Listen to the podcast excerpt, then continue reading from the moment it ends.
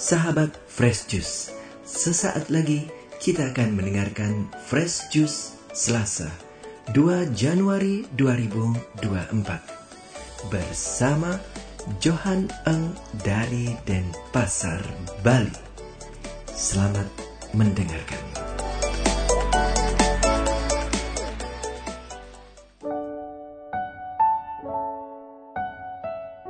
Selamat berjumpa kembali para sahabat Fresh Juice. Selamat tahun baru. Kita di tahun 2024. Ya, luar biasa. Kita bertemu kembali dalam tahun baru ini. Dan uh, hari ini kita diajak bersama untuk membaca dan merenungkan kembali dari sabda Tuhan bagi kita semua. Mari kita baca dan kita renungkan bersama dari Injil Yohanes. Yohanes Bab yang pertama ayat 19 sampai 28. Oke. Kesaksian Yohanes tentang dirinya sendiri.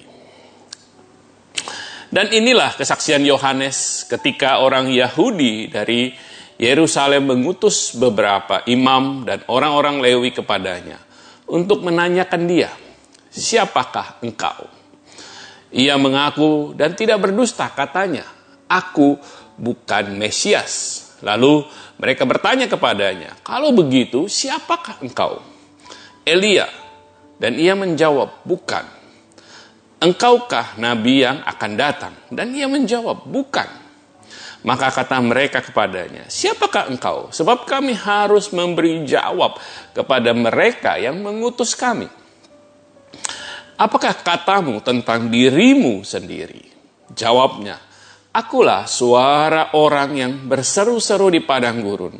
Luruskanlah jalan Tuhan. Seperti yang telah dikatakan Nabi Yesaya.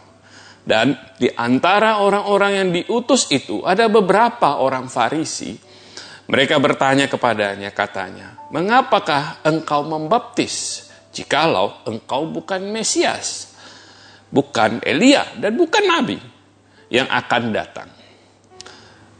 Yohanes menjawab mereka katanya, Aku membaptis dengan air, tapi di tengah-tengah kamu berdiri dia yang tidak kamu kenal, yaitu dia yang datang kemudian daripadaku membuka tali kasutnya pun aku tidak layak.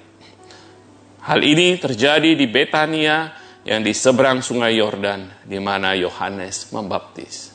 Demikianlah Injil Tuhan kita. Terpujilah Kristus. Sahabat Precious, orang Jepang itu punya satu filosofi yang disebut ikigai. Dari kata iki yang berarti kehidupan dan gai yang berarti nilai. Jadi ikigai itu berarti nilai atau makna dari kehidupan. Nah, ikigai ini menjawab pertanyaan, hidup itu untuk apa sih? Ya. Bagi orang Jepang itu sangat penting untuk punya tujuan hidup atau lebih tepatnya panggilan hidup. Nah, kalau kita membaca Injil hari ini, kita menemukan Yohanes Pembaptis yang sangat sadar akan panggilan hidupnya. Ya, ketika ditanya, "Siapakah engkau? Apakah katamu tentang dirimu sendiri?" Nah, dia berkata, "Akulah suara orang yang berseru-seru di padang gurun, luruskanlah jalan Tuhan." Seperti yang telah dikatakan Nabi Yesaya. Yohanes Pembaptis ini sangat yakin, sangat jelas akan panggilan hidupnya. Nah ini pas ya tahun baru ini. Mari kita refleksi apakah kita sudah jelas dengan panggilan hidup kita atau kita ini masih galau. Ya kalau kita mau belajar dari orang Jepang, apakah kita tahu apakah ikigai kita? Ya bagi orang Jepang, ikigai ini panggilan hidup yang itu penggabungan dari beberapa aspek. Nah, yang pertama adalah sesuatu yang kita sukai, ya. Mungkin orang sering sebut ini passion gitu ya, yang kita, sesuatu yang kita sukai yang buat bikin waktu berlalu begitu cepat. Ya, contoh seorang yang passionnya musik, ketika berlatih musik, ya, yang mana butuh waktu berjam-jam gitu ya, waktu terasa cepat berlalu. Nah, kalau saya yang suka musik sih, tapi bukan panggilannya di musik ya. Kalau disuruh latihan musik itu berjam-jam tuh bisa bosan saya kayaknya lama bener nggak pinter-pinter gitu. Karena panggilan saya bukan di musik, teman-teman. Nah, aspek kedua ya adalah aspek misi. Panggilan hidup kita ini juga harus merupakan sesuatu yang dibutuhkan orang lain, mission gitu ya. Waktu dulu ya, saya pelayanan ke anak-anak SMA. Saya bilang sama mereka, temukan panggilan hidupmu dengan mencari apa yang kamu sukai, saya bilang. Apa yang kamu suka? Saya tanya mereka ya. Nah, ada yang jawab, saya suka main PlayStation sepanjang hari katanya. Waktu cepat berlalu kalau saya main PlayStation. nah, loh, yang bingung saya. Nah, teman-teman, apa yang kita suka itu juga harus sesuatu yang berguna bagi orang lain. Nah, ada aspek misinya gitu. Aspek ketiga adalah aspek bakat. Oke? Okay? Yang kita sukai itu, yang berguna bagi orang lain itu juga harus sesuatu yang kita kuasai dengan baik. Eh, ada orang yang merasa panggilannya musik gitu, tapi ya main musiknya ya gitu deh gitu ya.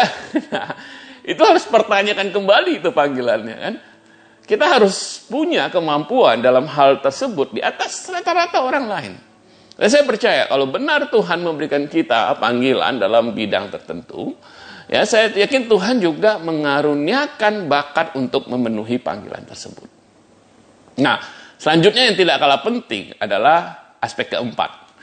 Panggilan kita itu, ya, dengerin ini teman-teman ya, harus bisa menghasilkan uang.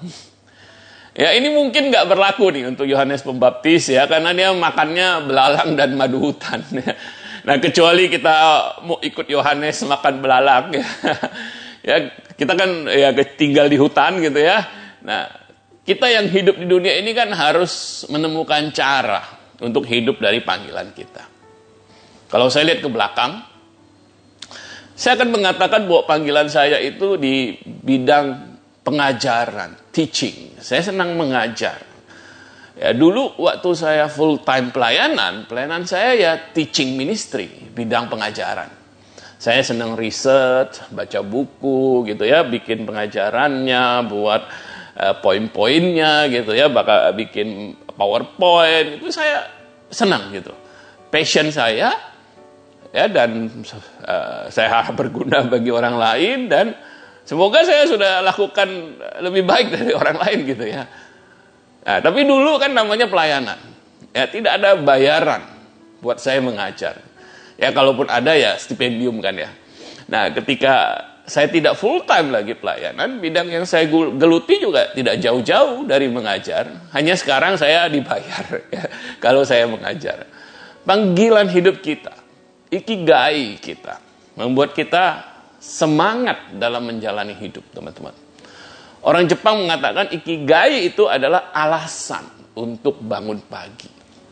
Nah, teman-teman kita punya alasan enggak? untuk bangun pagi. Di tahun yang baru ini, mari kita fokus lagi nih sama panggilan kita. Saya yakin tiap kita diberikan panggilan itu. Kita perlu menemukan dan fokus menjalani panggilan kita itu seperti Yohanes Pembaptis dalam bacaan Injil hari ini. Mari kita berdoa. Dalam Bapa pada Putra dan Roh Kudus. Amin. Bapak engkau memberikan kami panggilan dalam hidup kami.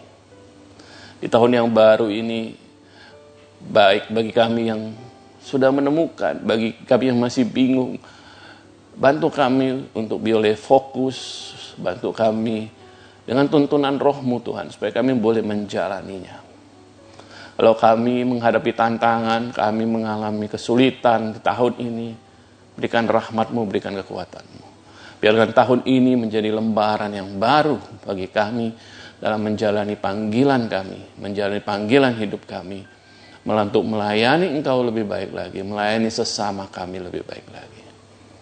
Kami serahkan diri kami dan langkah kami, hidup kami di tahun yang baru ini ke dalam tangan-Mu. Bimbing kami dengan rohmu ya Tuhan. Amin. Nama Bapa, Pada Putra, dan Roh Kudus. Amin. Sahabat Precious, Tuhan Yesus memberkati kita semua. Sekali lagi selamat tahun baru dan semoga tahun yang baru ini kita semua Tuhan berkati melimpah dan melayani dia lebih baik lagi. Amin. Sahabat Fresh Juice, Kita baru saja mendengarkan Fresh Juice Selasa 2 Januari 2024. Terima kasih kepada Johan Eng untuk renungannya pada hari ini. Sampai berjumpa kembali dalam Fresh Juice edisi selanjutnya. Tetap semangat, jaga kesehatan, dan salam Fresh Juice.